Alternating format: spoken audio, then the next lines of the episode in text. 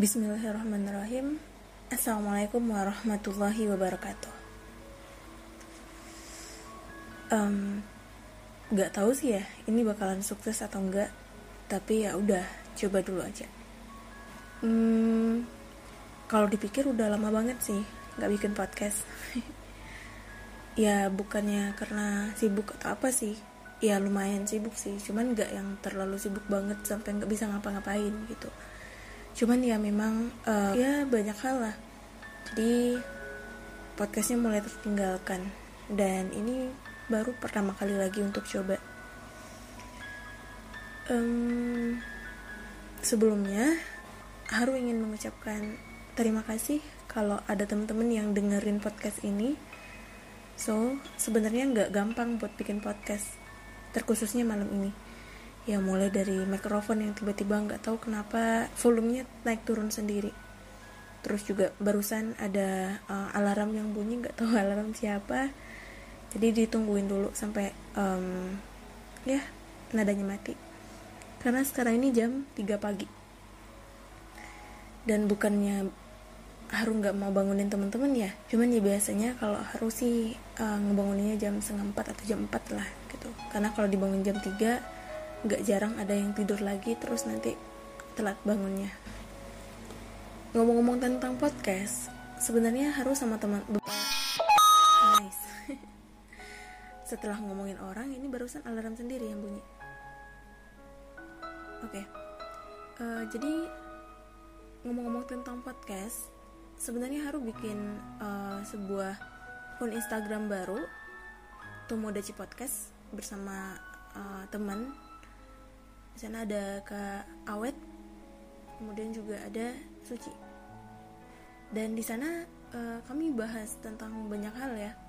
Jadi mungkin teman-teman yang mau ikut dengerin live-nya nanti boleh dikepoin aja Instagramnya at tomodachi.podcast nah tomodachi artinya adalah teman. Nah, podcast ya seperti yang kita sama-sama tahu aja sharing seputar uh, pengalaman tentang apa gitu dan itu bentuknya live dalam Instagram. Nggak tahu sih ya nanti bakalan gimana ke depannya. Ada rencana juga sih buat bikin dalam bentuk uh, ya mungkin live di Zoom. Cuman masih belum sih ya. Masih Instagram dulu. Dan harapannya ya memang walaupun itu hal kecil mungkin yang nonton juga nggak seberapa tapi semoga bisa membawa perubahan di dalam uh, umat gitu. walaupun hanya perubahan kecil tapi insya Allah itu ketika dilaksanakan dengan ikhlas dan dengan cara yang benar insya Allah akan membawa perubahan yang besar dalam kebangkitan Islam. Amin ya rabbal alamin. Oke okay, jadi mungkin itu uh, sedikit kalimat pembuka ya karena memang udah lama banget nggak bikin podcast. So uh, malam ini atau mungkin ya subuh ini atau kita sebut pagi ini aja ya. So pagi ini Haru ingin berbagi uh, beberapa pemikiran atau mungkin uh, pengalaman atau bisa disebut apalah nanti silahkan didengerin aja. Karena memang apa ya sebenarnya agak cukup sulit sih sekarang sekarang ini untuk uh, curhat kepada orang lain gitu. Ya bukan berarti nggak percaya atau apa gitu kan. Insya Allah sekarang berada di pergaulan yang insya Allah amanah yang harus yakin insya Allah ketika curhat sesuatu nggak akan kesebar atau gimana gitu. Um, tapi apa ya kayak ada sesuatu yang menahan diri untuk nggak cerita. Bukan karena nggak percaya tapi untuk nggak cerita.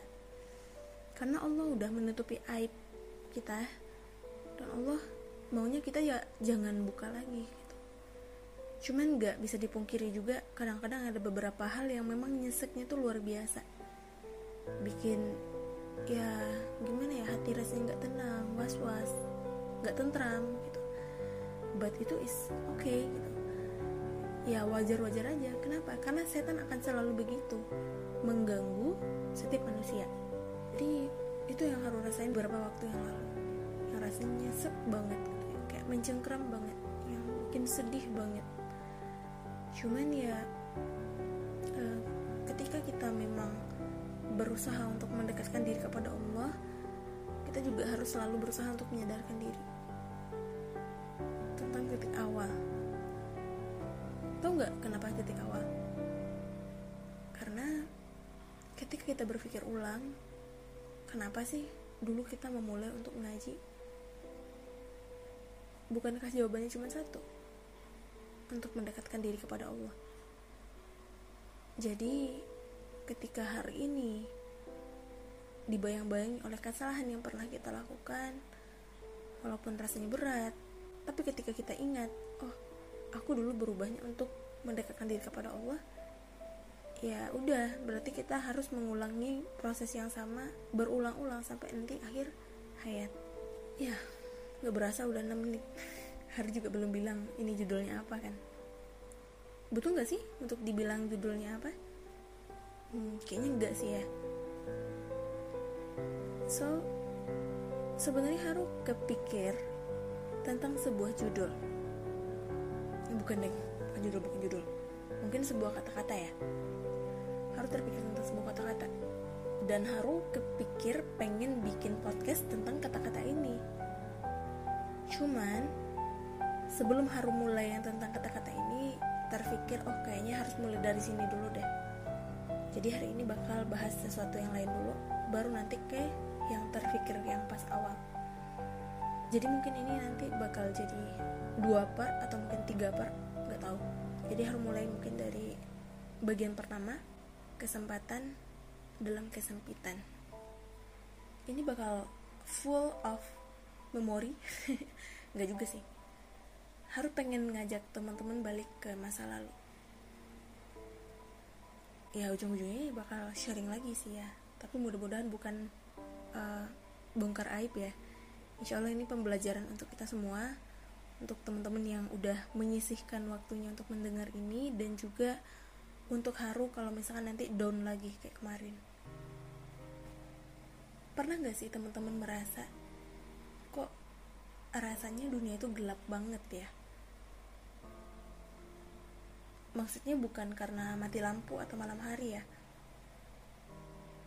Maksud haru tuh kok rasanya kita tuh udah melakukan hal yang berdosa banget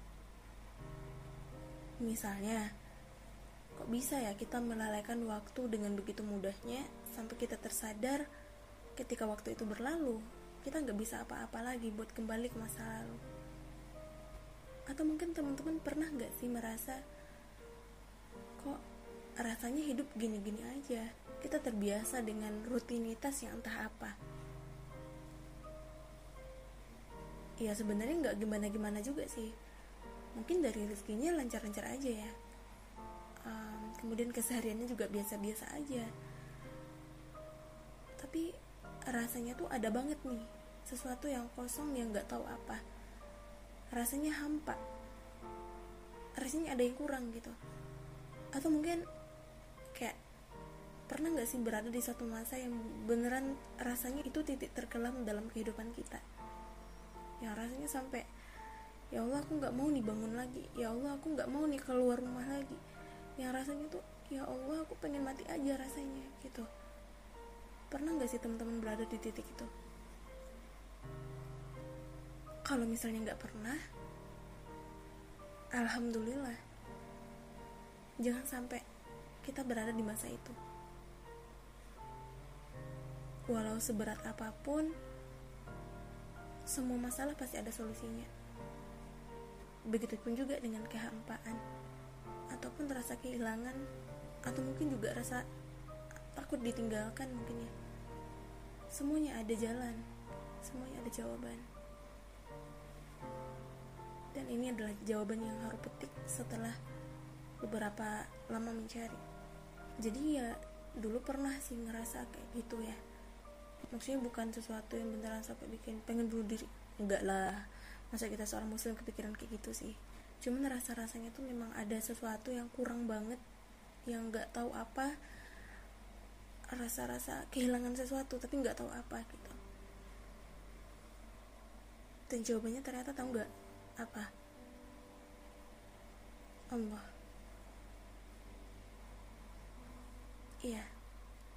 Haru adalah seorang muslim dibesarkan dalam uh, keadaan keluarga yang walaupun gak yang taat banget ya tapi selalu mengajakin untuk sholat mengajarkan untuk dekat kepada Allah mengajarkan untuk selalu bersandar kepada Allah atas segala sesuatu yang dijalani gitu.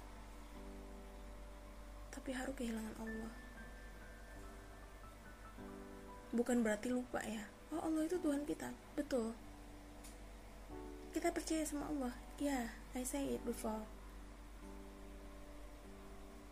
Tapi segala sesuatu yang harus jalanin banyak yang gak sesuai dengan apa yang diperintahkan oleh Allah. Misalnya pacaran. Haru pernah pacaran di masa lalu? Itu 2000 berapa ya? 2014 akhir deng. Kalau dipikir lagi ya sebenarnya pacaran itu nggak baik. Walaupun nggak tahu kenapa dulu rasanya baik banget. Jadi ya dulu itu kayak apa ya bucin banget gitu. Kayak gampang aja menghabiskan waktu entah untuk apa. Misalnya ya baru sekarang atau beberapa waktu sebelum ini ketika akhirnya memutuskan untuk berubah. Baru sadar kalau ternyata waktu yang udah dihabiskan itu berlalu banyak banget dan gak bisa diambil ulang. Dan banyak juga kesalahan-kesalahan di masa lalu yang harus lakukan. Sampai rasanya sempat insecure gitu. Ya walaupun pernah juga sih insecure lewat fisik tapi yang lebih berat adalah insecure ketika kita berada di suatu kondisi di mana kita kok gini banget ya sedangkan teman-teman kok pada baik-baik gitu. Kok kita berdosa banget ya. Sedangkan teman-teman banyak yang juga berdosa tapi mereka bangkit gitu. Mereka sadar gitu. Mereka meninggalkan apa yang telah menjadi kebiasaan mereka bertahun-tahun. Jadi rasanya insecure banget. Pengen berubah eh, tapi aku berdosa banget nih. Tapi memang itu tugasnya setan kan? Bukankah setan selalu berusaha untuk meragukan kita agar nggak mau berubah menjadi semakin baik. Agar nggak mau belajar bagaimana caranya untuk menjadi lebih baik. Dan itu yang juga harus sempat alami. Jadi ada sebuah uh, kisah ya. Bukan kisah sih. Ini cerita tentang beberapa hari yang lalu. Jadi gini deh. Mungkin Haru pengen jelasin sedikit dulu kalau yang namanya manusia itu memiliki tiga buah potensi potensi kehidupan yang memang dimiliki oleh semua manusia yang pertama ada yang namanya hajatul uluhiyah. Hajatul uluhiyah ini adalah sebuah kebutuhan yang harus kita penuhi yang kalau nggak kita penuhi dengan segera maka bisa menyebabkan kematian. Nah, hajat uluhiyah ini lebih rupanya tuh kayak uh, apa ya kebutuhan fisik kita. Kita butuh makan, kita butuh minum, yang kalau kita nggak penuhin maka bisa menyebabkan kematian. Kalau nggak percaya ya coba aja. Sebulan nggak usah minum. Mati nggak? Bercanda deh jangan dicobain. Hewan punya nggak? Punya. Mereka juga punya. Hajat dulu ya mereka bisa makan bisa minum bisa pup juga butuh bernafas juga dan lain-lainnya kemudian yang kedua ada yang namanya goriza atau naluri pembahasan tentang naluri ini cukup lumayan ya penerapannya di sekitar kita. Ada goriza atau dayun. Bagaimana naluri kita untuk menyucikan sesuatu, untuk menuhankan sesuatu, untuk menghambakan diri kepada sesuatu. Hewan dan tumbuhan juga punya. Mereka beribadah dengan cara mereka sendiri. Makanya, sekalipun seseorang bilang dia ateis, ya akan ada suatu kondisi di mana mereka memang akan menyucikan sesuatu. Atau mungkin kalau kita lihat lagi pelajaran sejarah di masa SD pernah dengar animisme atau mungkin dinamisme itu juga adalah bukti betapa ternyata manusia itu memiliki naluri untuk menghambakan diri kepada sesuatu. Bahkan di zaman sekarang makin banyak lagi nih agama mulai yang jelas sampai yang makin gak jelas. Bahkan beberapa hari yang lalu baru ada bukan beberapa hari yang lalu sih bahkan beberapa waktu yang lalu baru ada lihat sampai ada orang yang sempat menuhankan seorang pemain sepak bola. Ngeri aja Tuhan ini mati but ya itu udah jelas salah sih ya. Karena memang satu-satunya agama yang diridhoi oleh Allah adalah Islam. Nah yang mau tahu alasannya kenapa nanti bolehlah ikut kajian intensif. Boleh DM aja nanti di Instagram Haru ya. Teman-teman yang memang berada di uh, Padang terkhususnya wilayah UNP cuman kalau misalkan memang di luar Padang dan di luar UNP juga nggak apa-apa sih. Nanti bisa dibantu dilingkan ke uh, daerah asalnya masing-masing oke okay, kembali ke laptop. Well kalau agak berisik ya udah ya maklum aja. Udah trip kedua bunyi-bunyi alarm lagi sih. Berikutnya ada yang namanya Gorizah Now. Nah Gorizah Now ini banyak banget ya mengalami kendala di bidang ini. Karena ini adalah naluri untuk uh, mempertahankan atau melestarikan jenis kehidupan manusia. Makanya di sini disebut juga dengan naluri untuk merasakan kasih sayang. Hingga kita bisa merasakan jatuh cinta kepada lawan jenis mungkin bukan mungkin sih memang. Kemudian rasa sayang kepada orang tua kepada anak-anak rasa kebapakan keibuan dan segala macamnya. Pokoknya tentang menyukai atau mencintai sesuatu nah itu Goriza Nauk. Yang gak bisa kita pungkiri banyak banget masalahnya di hari ini. Ketika kita berlepas diri dari aturan-aturan Islam. Kemudian yang ketiga ada yang namanya Goriza Bako Nah, guriza bako ini adalah naluri untuk mempertahankan eksistensi diri. Makanya di sini kita bisa merasakan kesal, marah, kemudian sedih. Kita berusaha untuk dihargai, kita merasa ingin dihormati. Nah, itu asalnya dari sini. Hewan punya nggak goriza now? Punya. Nggak percaya? Coba, pernah nggak lihat cicak kawin? Atau mungkin kucing? Atau yang lebih lucu ayam ya yang kejar-kejaran gitu. Itu bukti kalau mereka juga punya goriza makanya di sana hewan bisa berkembang biak. Sebagaimana manusia juga begitu.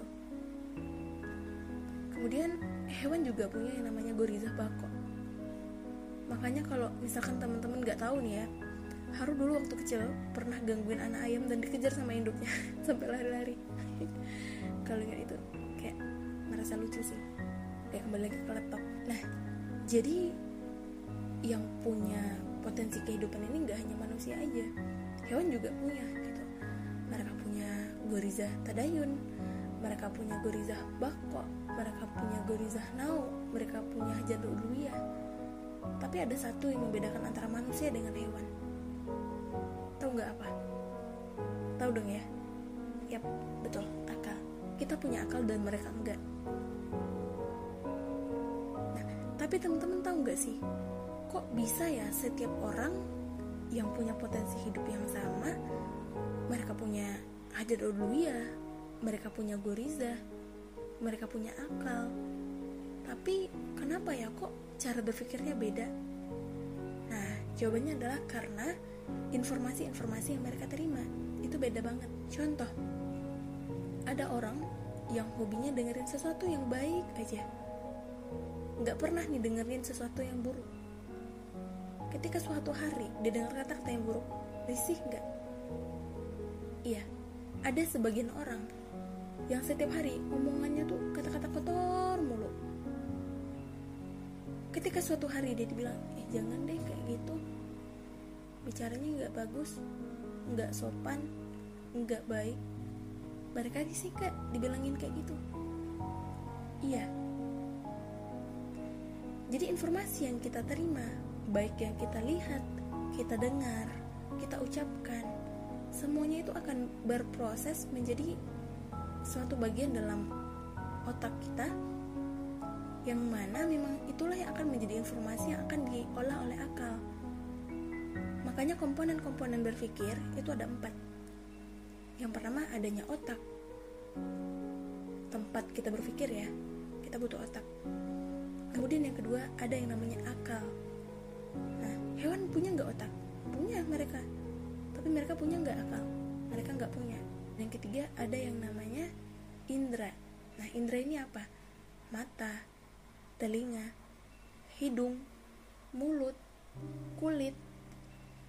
Itu yang bisa membantu kita untuk melihat mendengar. Tambah lagi lidah ya mengecap mencium menyentuh merasakan. Nah itu dari indera kemudian ada yang namanya maklumat sabiko atau pemahaman sebelumnya. Jangan gimana sih? Gini deh. Coba deh anak kecil dikasih coklatos harga seribuan sama uang seratusan ribu. Ini yang kecil banget ya yang belita yang masih baru bisa merangkak atau baru bisa duduk. Coba dikasih mereka bakalan pilih yang mana? Coklatos kenapa? Karena enak bisa dimakan sering dimakan. Padahal lebih mahalan mana harganya? Uang. Dengan uang 100 ya bisa beli banyak coklatos tapi mereka nggak tahu. Kenapa? Karena nggak punya maklumat sabiko. Atau mungkin kamu deh yang lagi dengerin ini. Kalau aku suruh bahasa Yunani bisa nggak? Bisa kalau belajar kalau nggak belajar ya nggak bisa. Ya gitu.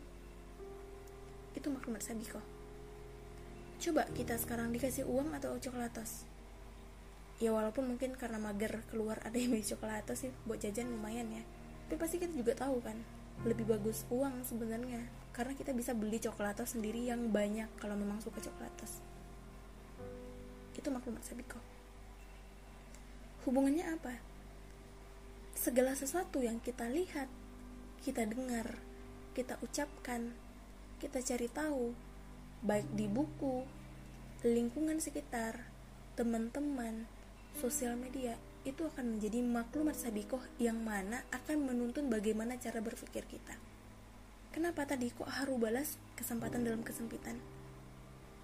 Karena kehidupan kita ini adalah kesempatan yang sekalipun kita berada di ambang kesempitan sekalipun, Allah selalu memberikan kita kesempatan untuk kembali ketika kita masih bernafas.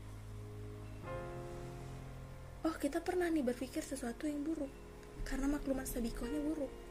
Bisa jadi lingkungannya buruk atau mungkin sumber bacaannya buruk. Tapi Allah masih memberikan kita kehidupan sehingga kita masih diberikan kesempatan untuk berusaha untuk bagaimana sih caranya agar kita belajar untuk semakin baik lagi dan meninggalkan segala keburukan di masa lalu. Jadi untuk teman-teman yang mungkin berada di titik di mana pengen berubah atau mungkin yang udah meninggalkan segala sesuatu keburukannya tapi dia hantui oleh rasa bersalah Haru pengen bilang kamu gak sendirian. Banyak yang juga berada di titik yang sama denganmu. Haru juga baru beberapa hari yang lalu. Atau mungkin baru beberapa jam yang lalu ya. Pernah berada di titik yang sama yang kayak walaupun berusaha mengalihkan ya dengan pikiran-pikiran lainnya berusaha untuk syariah tersenyum seperti biasa. Tapi ada satu kondisi di mana Haru gak bisa berhenti nangis karena ingat kesalahan yang udah Haru lakuin. Pengen cerita tapi takut karena ini aib yang seharusnya nggak boleh diceritakan. Nggak cerita juga stres. Ya Allah ini beban hidup mau dikemanain dibuangnya? Cuman kembali lagi ketika kita berusaha mencari dan kita berusaha menemukan kehilangan yang kita punya kita punya Allah tempat untuk mengadu untuk berbagi segala hal yang kita nggak bisa bagi kepada manusia. Ya walaupun pusing kalau lagi nggak sholat ya Allah ini sholat gimana? Gimana ngadunya? Gitu. dari situ harus belajar bahwa ternyata kehidupan ini ya nggak hanya diri kita sendiri di tengah kepahitan ketika Haru bergumul dengan pemikiran sendiri, Allah hadirkan kesempatan dengan cara yang gak terduga-duga. Tahu gak gimana? Allah menghadirkan seseorang dengan masalah yang sama sehingga ketika Haru nasihatin orang lain itu juga sebenarnya menampar banget buat diri sendiri makanya untuk menjadi pejuang dakwah itu nggak mudah ketika kita menyampaikan sesuatu kepada orang lain itu lebih tajam banget buat kita sih dampaknya. Jadi Allah memberikan kesempatan untuk mereka yang memang mau mencari. Bukan hanya sekedar menunggu dan ragu-ragu. Maka sekalipun Haru udah tahu sebelumnya berbagai macam teorinya sampai udah hafal sampai dijelaskan kepada orang lain berkali-kali tetap aja rasa itu muncul lagi. Dan kemudian Allah memberikan lagi jalan untuk mengingat apa yang harus udah lupakan sejak lama.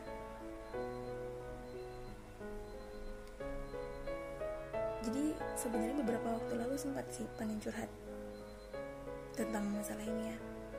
Kepada seorang teman yang memang tahu masa lalu Haru walaupun gak full tapi dia lumayan tahu banyak. Dan dia menyemangati sih. Bahwa memang kalau ingin semuanya clear terlebih dahulu yang memang harus harus jujur dulu kepada diri sendiri maunya apa? Apakah memang udah full pengen melupakan semuanya?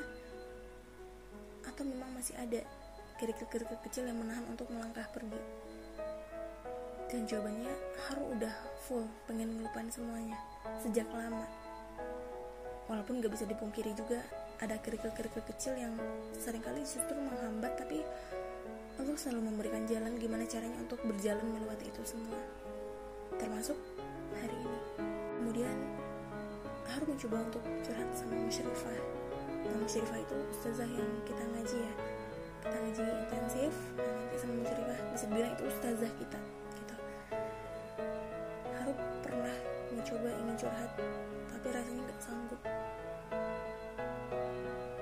jadinya walaupun serumah nih ya nggak berani untuk curhat sama sekali. Malah cenderung untuk menghindar ya karena takut nanti beneran bablas cerita semua. Tapi karena nggak tenang ya kebetulan juga lagi nggak bisa sholat akhirnya malah ngechat tengah malam sebelum dia tidur. Lucu banget gak sih? Terus Musrifah harus bilang yang pertama kali memang harus berusaha untuk memaafkan diri sendiri dulu. Dan sepertinya itu sih yang susah banget untuk dilakukan. But we always trying to do it. Kita selalu berusaha untuk melakukan itu walaupun memang gak mudah.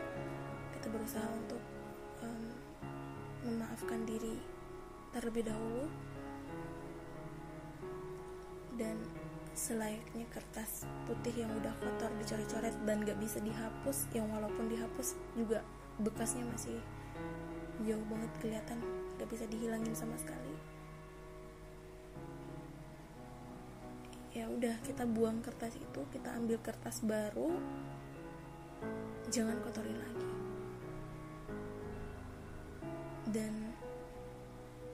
harus mencoba untuk menerapkan itu walaupun dulu udah pernah dan kemudian ya seperti yang tadi udah diceritain mengalami suatu masalah di tengah jalan karena akhirnya kalah dengan diri sendiri. Sekarang harus belajar lagi berjuang lagi untuk bangkit untuk bangun untuk belajar menerima kesalahan di masa lalu untuk belajar menghormati diri sendiri untuk memaafkan diri sendiri. Karena Allah masih memberikan kehidupan hingga hari ini Allah masih memberikan kesempatan untuk Haru membuktikan kepada diri sendiri bahwa Haru bisa banget nih untuk berubah. Jadi untuk teman-teman di luaran sana yang merasa putus asa, pengen berubah tapi nggak bisa-bisa gagal terus, jangan pernah berhenti mencoba ya. Insya Allah ketika ada kemauan, Allah pasti berikan jalannya. Uh, mungkin demikian dulu podcast serial pertama kesempatan dalam kesempitan yang mana Allah selalu memberikan kita kesempatan untuk merubah hingga sepanjang hayat kita. Dan setiap kita melakukan kesalahan kita selalu berusaha untuk bertobat meninggalkan itu semua dan kita belajar untuk semakin dekat kepada Allah dan taat kepada segala perintah Allah. Karena bukankah memang sudah konsekuensi keimanan kita untuk tunduk dan taat kepada semua aturan yang diberikan oleh Allah.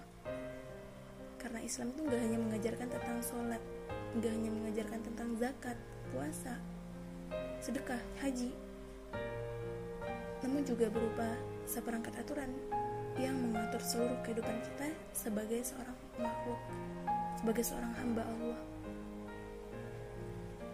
Jadi kepada teman-teman semuanya yuk kita ngaji kita belajar untuk semakin dekat kepada Allah agar kita tahu bagaimana caranya untuk hidup yang sesuai dengan maunya Allah. Oke mungkin sekian uh, podcast dari Haru. Semoga bermanfaat. Assalamualaikum warahmatullahi wabarakatuh